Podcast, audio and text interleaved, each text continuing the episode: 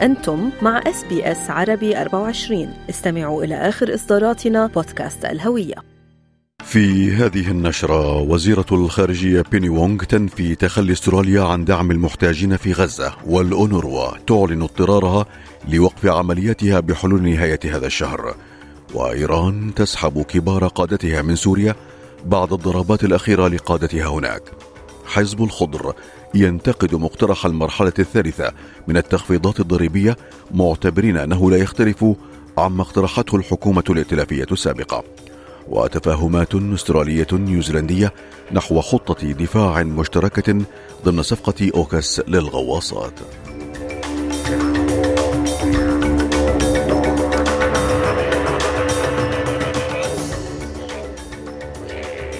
على التميم يحييكم وعليكم تفاصيل النشرة. نفت وزيرة الخارجية بيني وونغ تخلي استراليا عن مساعدة المحتاجين في غزة بعد وقف تمويلها لوكالة إغاثة وتشغيل اللاجئين الفلسطينيين الأونروا إلى جانب دول أخرى. وذلك عقب مزاعم بتورط بعض موظفي الأونروا في هجمات حركة حماس على إسرائيل في السابع من شهر تشرين الأول الماضي أكتوبر.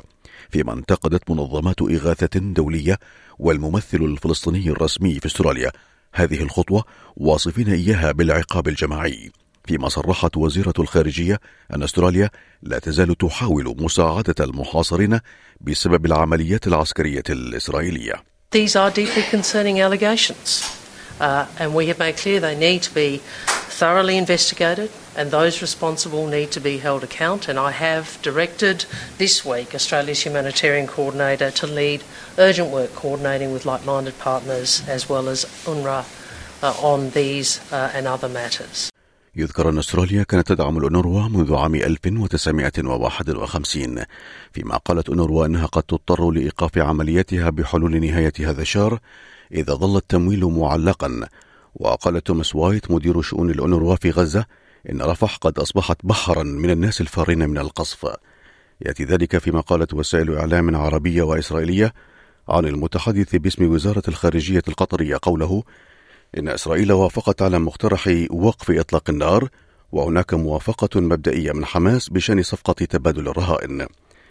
ونبقى في الشرق الأوسط حيث قالت وكالات إن الحرس الثوري الإيراني قلص نشر كبار ضباطه في سوريا.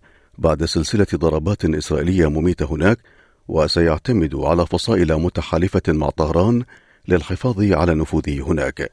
فيما قالت وكالات إنه بينما يطالب غلاة المحافظين في طهران بالثأر فإن قرار إيران سحب كبار الضباط مدفوع جزئيا بحرصها على ألا تنجر إلى صراع يحتدم في أنحاء الشرق الأوسط مضيفة أنها لا تنوي الانسحاب الكامل من سوريا. هذا وقد أعلن الجيش الإسرائيلي أنه قد نفذ غارات جوية على بنى تحتية ومبان عسكرية تابعة لحزب الله في جنوب لبنان. فيما أطلق حزب الله اللبناني صباح أمس صاروخين مضادين للدروع تجاه موقع للجيش في جبل الشيخ شمال إسرائيل. فيما لم ترد معلومات عن وقوع إصابات. هذا وقد بحث وزير خارجية بريطانيا ديفيد كاميرون اليوم مع مسؤولين لبنانيين سبل إرساء التهدئة على الحدود مع إسرائيل وفق ما أفادت رئاسة الحكومة بعد قرابة أربعة أشهر من التصعيد على وقع الحرب في غزة. فيما بحث كاميرون مع رئيس حكومة تصريف الأعمال نجيب ميقاتي سبل إرساء التهدئة في جنوب لبنان والحل السياسي والدبلوماسي المطلوب وفق بيان عن رئاسة الحكومة. وأكد ميقاتي أن لبنان يؤيد الحل السلمي في المنطقة وكذلك تطبيق القرارات الدولية بحرفيتها خاصة القرار 1701 مع استمرار التعاون بين الجيش واليونيفيل. في شأن أسترالي انتقد حزب الخضر مقترح المرحلة الثالثة من التخفيضات الضريبية الذي قدمه رئيس الوزراء البانيزي معتبرين أنه لا يختلف عما اقترحته الحكومة الائتلافية السابقة. هذا وتحاول الحكومة الحصول على دعم حزب الخضر وغيرهم من أعضاء البرلمان لتمرير مقترح المرحلة الثالثة لتخفيض الضرائب عبر مجلس الشيوخ حيث يشمل الاقتراح الذي ينتظر أو ينتظر موافقة البرلمان إعادة شريحة الضرائب البالغة 37% التي كان من المقرر إلغاؤها. وقال نائب زعيم حزب الخضر نيك ميكم إن هذا التخفيض لا يزال يصب في صالح أصحاب الدخل المرتفع. Labor's stage 3 tax cuts still leave people on high incomes with significantly bigger dollar increases in what they will get as a result of the tax system compared to people on lower incomes. So this is still, even with Labor's changes, the stage three tax cuts still favour high income earners. وفي شأن طبي أظهرت أرقام نشرتها وزارة الصحة الفيدرالية ارتفاعا بنسبة 2.1% في عدد المرضى الذين يستخدمون نظام الاستشارات الطبية المغطى من ال Medicare ال bulk billing لرؤية طبيب بعد أن ضاعفت الحكومة الفيدرالية حافز الفواتير المجمعة ثلاث مرات. وكان الحافز عبارة عن دفعة إضافية للأطباء الذين يسددون الفواتير المجمعة لمواعيد الأطفال وحاملي بطاقات الامتياز. فيما قال وزير الصحة الفيدرالي مارك باتلر إن هذا الإجراء كان ملموسا خارج المدن الكبرى. People in rural and regional Australia have particularly benefited, with more than half of those additional bulk bill visits taking place outside of our major cities, including, I'm really happy to say, in some of the regions that had some of the lowest rates of bulk billing. فيما ادعت المعارضة أن فواتير ال bulk billing انخفضت في عهد الحكومة الفيدرالية الحالية رغم وجود عيادات عدة تقدم هذه الخدمة فيما ذكر تقرير أن عدد الأشخاص الذين يؤجلون أو يلغون مواعيدهم الطبية بسبب ارتفاع الأسعار قد تضاعف من 3.5% في عام 2022 إلى 7% في عام 2023 وقالت نائبة زعيم المعارضة سوزان لي إن افتقار الحكومة إلى اتخاذ إجراءات فعالة بشأن تكاليف المعيشة منع كثير من المواطنين من الذهاب لزيارة الطبيب. When Peter Dutton was health minister, the bulk billing rates were about 84%. Under Mark Butler, just over 77%. If this government cared about your health costs, they would do something about the cost of living crisis so Australians could actually afford to go to the doctor.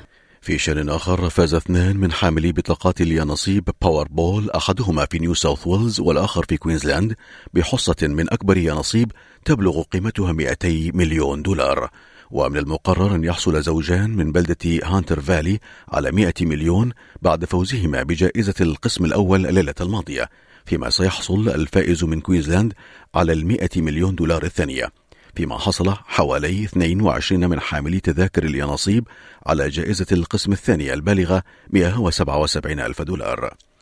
في شأن عسكري سترسل أستراليا وفدا إلى نيوزيلندا لمناقشة مشاركة نيوزيلندا في شراكة عسكرية ضمن صفقة أوكوس حيث أجرى وزيرا الخارجية والدفاع في كلا البلدين محادثات في مجال الدفاع يوم أمس. فيما اعتبر كلا البلدين أن تعزيز قوتهما هو أمر بالغ الأهمية. وصرح وزير الدفاع ريتشارد مالز أن التقارب بين البلدين بات ملحا في ظل الظروف العالمية الراهنة. The content and the manner in which we have spoken today really does reflect two countries which have a very shared view of the world and a shared sense of how both of us need to go about our business in terms of working in the world. And that is making sure that in every respect we can work as closely together as possible. في تونس أصدرت الدائرة الجنائية المختصة في قضايا الفساد المالي بالمحكمة الابتدائية حكما بسجن زعيم حركة النهضة راشد الغنوشي ثلاث سنوات مع النفاذ العاجل بتهمة تلقي تمويل أجنبي. وأصدرت المحكمة أيضا حكما مماثلا بحق صهره رفيق عبد السلام بوشلاكة إضافة إلى تغريم الحركة بمبلغ مليون ومائة ألف دولار حسب ما ذكرت المحامية منيا أبو علي لوكالة صحفية. ويقبع الغنوشي في السجن منذ شهر نيسان أبريل الماضي وفي العام الماضي حكم عليه بالسجن لمدة عام بتهمة التحريض ضد الشرطة. في أسعار العملات بلغ سعر صرف الدولار الأسترالي مقابل الدولار الأمريكي 2 65 سنتا أمريكيا.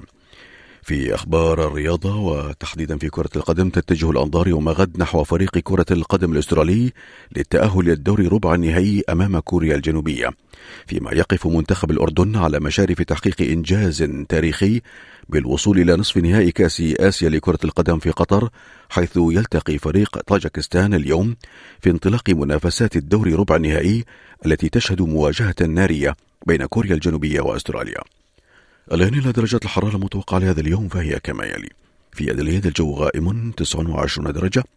في بريسبن غائم جزئيا 30 هوبرت غائم مع رياح 18 داروين أمطار متفرقة وعاصفة متوقعة 32 بيرث الجو فيها مشمس 37 في ملبورن غائم جزئيا 21 في سيدني أمطار متفرقة 28 وأخيرا في العاصمة الفيدرالية كامبرا الجو غائم جزئيا مع 32 درجة مئوية.